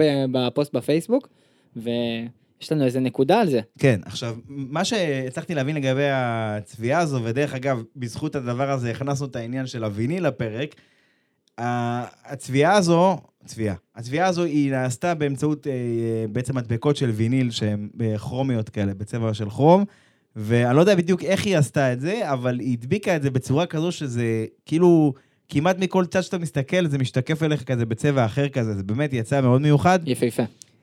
זה סתם מחזיר אתכם רגע לעניין הזה של, אה, אתה יודע, של צביעה, למשל, אם היא הייתה צריכה לצבוע לו פיזית הקסדה, היא הייתה צריכה למשל, נגיד הייתה רוצה לעשות לו חצי אדום, חצי שחור, סתם אני אומר, אז הייתה צריכה לצבוע הכל בשחור, ואז להסתיר חצי, לצבוע את היתר באדום, וכן, וכאילו כל דוגמה שהייתה צריכה למסך 20 אלף פעם, כן. ולכתוב ב-20 אלף פעם מה שהיא רוצה, אבל פה, זה אפשר להגיד, בדומה לעניין הזה, זה אפשר להגיד, היה, פה זה בטוח לא היה בפעם אחת, כי רואים שהיא השקיעה פה, כן, אבל בגדול זה, זה דומה לעניין הזה, כאילו מדביקים את זה, אפשר להגיד, כירייה מסוימת, ואז כאילו מחממים את זה, מייבשים ועובדים על זה. אבל הבנתי. באמת, השילוב של הצבעים פה יצא... צריך לראות, בקיצור, כנסו תראו את זה. מדהים. מפה נראה- נראה לי הטוב הרע והמכוער. כן, יאללה, אז מה, אז אה, בוא נתחיל מדברים פשוטים. מה היה הטוב שלך? אוקיי, אה, מבחינתי הטוב זה, זה מקלרן, אוקיי. מקלרן ופיאסטרי, במיוחד פיאסטרי. א', מרוץ טוב של שניהם, אבל פיאסטרי אין מה לעשות, פודיום ראשון שלו בפורמולה 1, בעונת ה rookie שלו, שלא זכינו את זה מאז אה, המילטון, 2008. לא, האמת שבסטרול 2017 היה rookie בבאקו, באותו מרוץ, כן. היה- אז הנה, סטרול 2017, לא זכינו לזה הרבה זמן, וזה כיף לראות rookies, וכיף לראות גם rookies שהם רעבים לזה. והם מצליחים גם. אה, הטוב שלי זה משהו פשוט, משהו קטן, לא משהו מיוחד. השבוע ניסו מצלמה ניסיונית כזו על, על המרצדס, שהיא... אולי אתה יכול להכיר את זה יותר מההתעסקות שלך בעולמות של הרחפנים. בעצם היה לה מייצב, במילים אחרות גימבל, אתה יודע, אתה מכיר את הדברים האלה. כן. שהוא שומר על התמונה אה, יציבה, אבל בגדול הוא מאפשר זווית מסוימת, נכון? כן. כאילו, גם עכשיו אתה מטיס את הרחפן שלך, אה, יראו שהמצלמה, שהתמונה זזה בגלל הזווית, אבל היא תישאר יציבה כי יש לה איזשהו עיצוב תמונה. אז אותו דבר שמו על המכונית של המילטון כל הסופש, ועזבו שנייה עכשיו רחפנים וכל ההרצאה שנתתי של 30 שניות פה, בפועל מה זה אומר? היא קרובה מאוד לקסדה באופן יחסי, היא לא נמצאת מעל הקסדה כמו הטיקאם הרגילה, אבל היא בעצם מאפשרת לראות את השינויי גובה במסלול. זה אומר, אם הפנייה בזווית, ורוב הפניות הן בזווית, אין מה לעשות, אז רואים ממש את הזווית של הפנייה. עוד משהו שנחמד, בגלל שהיא כל כך קרובה לקסדה והיא בזווית כזאת, האמת היא מזכירה לי זה אה, מצלמות טרום עידן האלו שהיו פעם, גם בתקופה של סנה היו כאלה, שבדיוק משמאל או מימין לקסדה, כן. והן מצלמות שממחישות קטלנית המהירות, כי הן לא מצלמות את זה מלמעלה, אתה ממש רואה את ה... את ה... אתה יודע, את השינויים במסלול ואת המהירות ואיך הדברים כאילו זזים בקצב שלהם ביחס למכונית. אז המצלמה הזו שני פלוסים, ממשיכה את המהירות, כמו שאמרתי, בצורה מצוינת, וב' היא, זה גם הקטע הזה של, בסוף מסלולים הם לא ישרים. כן. נראה, חוץ מישורות, אבל הם נראים לנו ישרים, אבל אתה יודע שהלכת למונזה, שמונזה זה אחד המקומות הכי שטוחים שיש, וגם שם ראית פתאום את הזווית של הפנייה, ואתה רואה אותה שזה לא בדיוק ישר, יש לכל כן. אחד זווית של כמה מעלות, כן? עכשיו נגיד שזו לא הפעם הראשונה שראינו אותה, בדקו אותה פעם ראשונה בזנדוורט, אני חושב שזה היה אפילו עם ריקרדו, אני צריך לבדוק, עם אחת האלפה טאוריס, ושם בזנדוורט כמובן שיש פנייה של איזה 20 מעלות אה, הטיה, לא איזה 3 או 4, ושם זה, בכניסה לפנייה זה דפק לי את הראש לראות את ההיפוך הזה, יואו. אבל זה אחד המגניבים. אני תמיד בעד מצלמות ייחודיות, שכמה שיותר יכניסו את הצופה, כמה שיותר יכניסו אותנו למה שהנהגים חווים בזמן, ה... בזמן הקפה מהירה, כי, כי אתה יודע, מלראות את זה מאיזה מצלמה שנמצאת מעל, ה... מעל ההיילו, והיא כולה יציבה עם עיצוב תמונה והכל כזה חלק, זה נראה כאילו, אתה יודע, קל מדי, כאילו, זה, זה מוציא את ה... זה נראה כאילו זה לא מאתגר, מה הם. עושים שם בכלל? לא צריכים להיות ספורטאים אפילו. כמו קונסולה. ב... כמו משחק, כאילו, כן, כן. כמו וידאו גיים כזה. ו- ועוד משהו, אה, אני ראי, לטעמי חשבתי על הנושא הזה, זה האם אנחנו יכולים לראות תצורת מתלים שונה בין רכבים, אם נוכל אה, להמשיך לראות את ה... אני לא יודע, כי בסוף, מה מדבר איתי על זוויות של המתלים? כן, כי אה, אה, זה יותר משהו... משכך, יותר, אתה יודע, לראות ממש את העבודה של המתלה עצמו. אוקיי, לראות את העבודה אתה תראה, אבל האם להגיד לך, זה יש לו יותר זווית של anti-dive, או, או anti-squat, או כל מיני דברים כאלה, עזוב שנייה את המושגים האלה, דיברנו עליהם לפני 100 פרקים, כן, לא רלוונטי כרגע. האם תוכל להגיד מלהסתכל? לא, התשובה היא לא, כי זה משהו שאתה צריך לראות ביחס למה הן נמדדות. זה משהו שאתה לא יכול לדעת כאילו בוויזואלית רחוק, אבל לא משנה, זה לא בשביל ה... ה... פחות בשביל החבר'ה שהם אולטרה טכניים. בשבילי, אני חושב תמיד על, ה... על הפשוט, על העניין הצופה הפשוט, שלא בקיא, שלא מבין. אנחנו רוצים שאנשים אה, יקבלו את החוויה הזאת, ו... וזה חשוב. זה והמצלמה שבתוך הקסדה, מצלמת קסדה, מצלמות שהן נדירות, וכמו שאמרתי, באלף פעם כבר, אני מקווה שיום אחד תוכל לבחור אותם כמו טוגל כזה, תוכל לבחור אותם נגיד בשידור, או לראות נגיד רק מתוך הקסדה, או רק מתוך המצלמה הזו, או רק כאילו... כי זה באמת, זה מוסיף הרבה. המצלמות של הטיקאם הרגילות שיש לנו, מה שנקרא אונבורד, כן. המצלמה העילית הזאת, היא מצוינת אם אתה רוצה לראות מהלכים, מה הוא עשה עם הידיים אה, בניתוח שאתה רוצה להסתכל על שני נהגים שנכנסו לאותה פנייה, אתה מסתכל עליו, מסתכל על השני, דברים כאלה, זה מאוד עוזר. אבל כשאתה רוצה לראות את האקשן של הקפה בדירוג, הקפה מהירה, משהו כזה, אתה צריך מצלמה שממחישה את המהירות בצורה יותר טובה. הבנתי. טוב, יאללה, לרע, מה היה הרע שלך? האמת אני רוצה להוסיף עוד טוב. אה, אוקיי, סבבה, אנחנו בחיובי, יאללה. כן. שנה חדשה וזה, חיובי, נו. זה חייבים להגיד על האוהדים היפנים. אין שאלה, כל שנה בכלל, אנחנו צריכים לתת להם את הטוב הזה קבוע, נעול, אחי. איזה השקעה, היו אנשים עם כובעי DRS פעילים שיש כל שנה, אני מת עליהם. היה להם הכובעי טיקה, עם מצלמות אונבורד משלהם, והיו כאלה שהדפיסו בתיקים של פירלי בצורה של צמיגים. הצמיגים, והסמוראים שאני תמיד אוהב, שמדברים שריון סמוראי של פרארי כזה, והאישה הזו שקימונו של רדבול כזה, אין, סופר יצירתיים. עזוב, אני לא מדבר על כל האלה שבאים עם חליפת נהיגה מעילה, אה, מלאה, כולל קסדה, כולל... יש להם יותר ציוד מהנהג. לא... אז מסתכלים, מסתכלים עליהם בקינה, אני אומר לך, כאילו, מסתכלים, בואנה, הרווחתם השנה, וזה... איך אפשר לייבא אותם, תגיד. כן, וואו, אוהדים נדירים, אחי, אהבתי אותם. טוב, הרע. אוקיי, אז... טוב, את האמת לא חשבתי על הרע. אז אני אתן לך אותו. אני, הוא גובל במכוער, אבל בשבילי הרע זה חייב, חייב, חייב להיות, אה, לא יודע, אסטון מרטין. וואו. כאילו, וואו. זה לא, מה זה רע? עוד פעם, אם אנחנו דיברנו בפרק הזה על, על הצעד שמקלרן עשו ו, וממשיכים לטפס ולטפס ולטפס, אז אסטון התחילו מנקודה, הם התחילו מפסגת ההר, וכל פעם הם יורדים קצת. עכשיו, סבבה, היה לכם איזושהי נפילה בקנדה, אתם מנסים אה, ל- לפצות עליה. דרך אגב, הם ימשיכו לפתח את המכונית כנראה עד סוף העונה, לנסות לפצות על העניין הזה, על השגיאה הזו שהם עשו. כן. אבל אתה יודע, זה כאילו גם, לא דיברנו בכלל על המרוץ שלהם, הם כאילו סטרול פרש ואלונסו עם אסטרטגיה שחבל, הם זרקו פשוט ניקוד לפח באופן יחסי, ולא יודע, לא יודע, אני לא חושב, כאילו, עוד פעם, הם, הם, כמו שאמרתי, הם כן ינסו להתגבר על זה במהלך העונה, אבל הקבוצה הזו היא, היא קבוצה בסוף שיש לה צוות טוב, יש לה נהג אחד שהוא אה, מצוין ונהג אחד שאפשר להתווכח על זה. שוב, אני לא בא ללכלך עליו, אבל כן, כאילו, כן. מה לעשות, זה, זה המצב. אה, וזה גם פוגע בה. זה בדיוק כמו, אתה יודע מה? אין מה לעשות, אני יודע שבתחילת העונה זה, אבל זה בדיוק כמו פרז וורסטאפן. ואני הראשון שהגנתי על פרז, אחרי מרוצים כמו בקו, ואחרי מרוצים כמו סעודיה, כי הוא שם, הוא באמת היה יותר מהיר. שהיה- שהגיע, הגיע, אבל. כן. משהו שם התפרק אצלו מבחינה מנטלית במהלך העונה, והוא עושה שטויות של מישהו שהוא יודע שמקומו לא בטוח, שהוא לא, לא נמצא במקום טוב עם עצמו. טוב, יאללה, מכוער. לא, מכוער אה, לטעמי זה פרז, ועכשיו גם העלית את זה, אין מה לעשות. כל הסיפור הזה של רדבו והחזרה שלו למרוץ, כל הדברים האלו, לטעמי פחות אה, רלוונטי, וגם אה, הזכרנו את זה הרבה. אלפין, למרות שהם סיימו בניקוד כפול, כן, הם סיימו כן. בניקוד כפול, אבל היה שם איזה עניין, הם, הם החליפו ביניהם. כן, גזלי ואוקון, אוקון היה רצו לשחרר את אה, גזלי, שינסה אה, לתקוף את אה, פרננדו, לא הצליח, אמרו לו, טוב, נגמר המרוץ, תשחרר את המקום, תחזיר אה, את המקום לאוקון. לאוקון. זה פרקטיקה מוכרת, הרבה קבוצות עושות את זה. כן. זה לא איזה משהו, לא המציאו פה משהו. תשמע, הקללות ותנועות ידיים ועניינים וזה, לא, לא, לא אהבתי את זה. כן, לא אהבתי את זה, גם אתה לא, אתה לא מוסר לו את האליפות, זה שתיתן לו... זה לא מוריד מכבודך שתיתן לו את המקום, זה כולה מקומות תשע ועשר, זה נקודה או שתי נקודות. אני מבין שאתה בלחץ, אני מבין שאתה רוצה להרוש את אותו מאוקון, סבבה, אין בעיה, אבל כאילו... זה כאילו הסכם ג'נטלמני, אתה יודע, אתה צריך לכבד את ההסכם, וזה גם לא, לא מדובר פה, אין פה איזה אליפות על הכף, אין פה פודיום על הכף, אין פה ניצחון על הכף. הקבוצה עדיין מסיימת בניקוד כפול, כן. ההישג הקבוצתי נשמר. אתה פשוט תקבל נקודה אחת פחות, זה הכל. מסכים. כאילו לא אהבתי את זה, זו תגובה לא פרופורציונלית שלא צריכה להגיע מ... מספורטאי מקצועי. עכשיו, סבבה, יש פעמים שכן אומרים, אתה יודע, אה, תחת לחץ ובלהט הרגע, אבל איזה, איזה רגע היה פה שצריך להט? לא היה פה כלום, זה, זה, אני, אני, אני, אני מתעצבן משטויות אחרות מ, מ, יותר מאשר מה זה. על מה אתה מתעצבן כל כך, אתה מבין? זה סתם. אני מסכים איתך. זה לא היה זה. טוב, יאללה, קטר. יאללה, קטר. אה, טוב, קטר, חוזרים לשם, שנה שעברה היה מונדיאל, אז uh, הקטרים החליטו שלא בא להם להתעסק עם זה, כי היה להם לוגיסטיקה משוגעת, כי זו לא המדינה הכי גדולה, ובכל זאת מונדיאל. אז שנה שעברה היה להם מונדיאל בנובמבר, אז החליטו לדלג שנה, אבל בגדול המסלול הזה חזר ב-2021.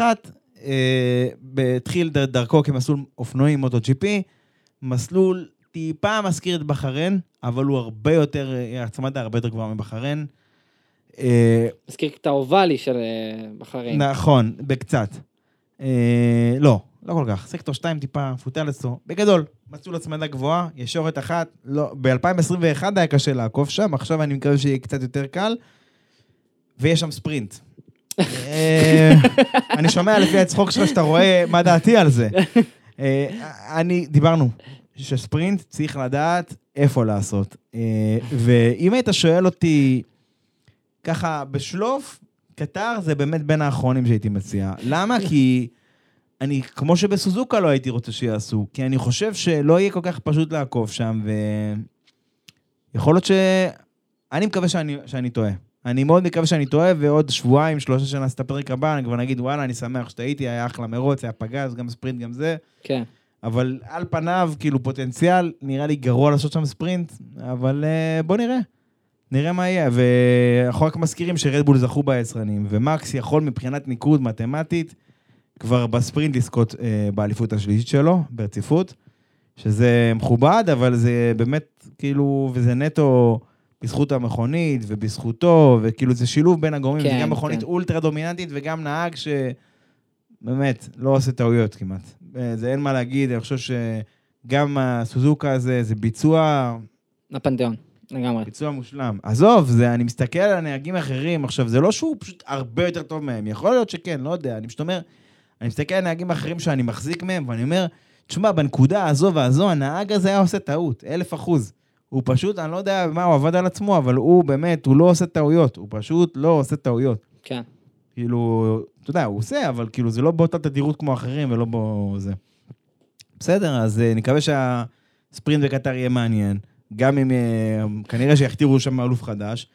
למרות שזה היה ידוע רוב העונה, זה עדיין כאילו, בכל זאת מכובד, ששלוש פעמים, לא כולם מגיעים לזה. זה, זה יפה, ונקווה שיהיה לנו מרוץ מעניין. אני חושב שיחסי הכוחות יכולים טיפה להשתנות.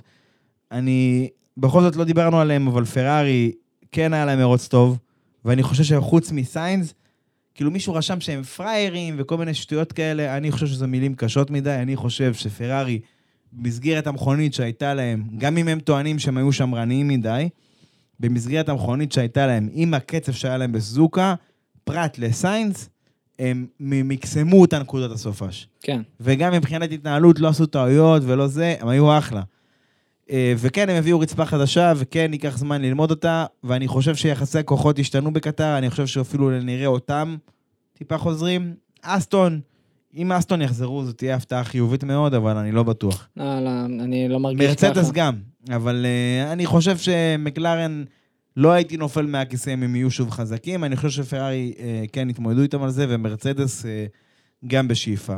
אסטון אני לא בטוח, תלוי כמה...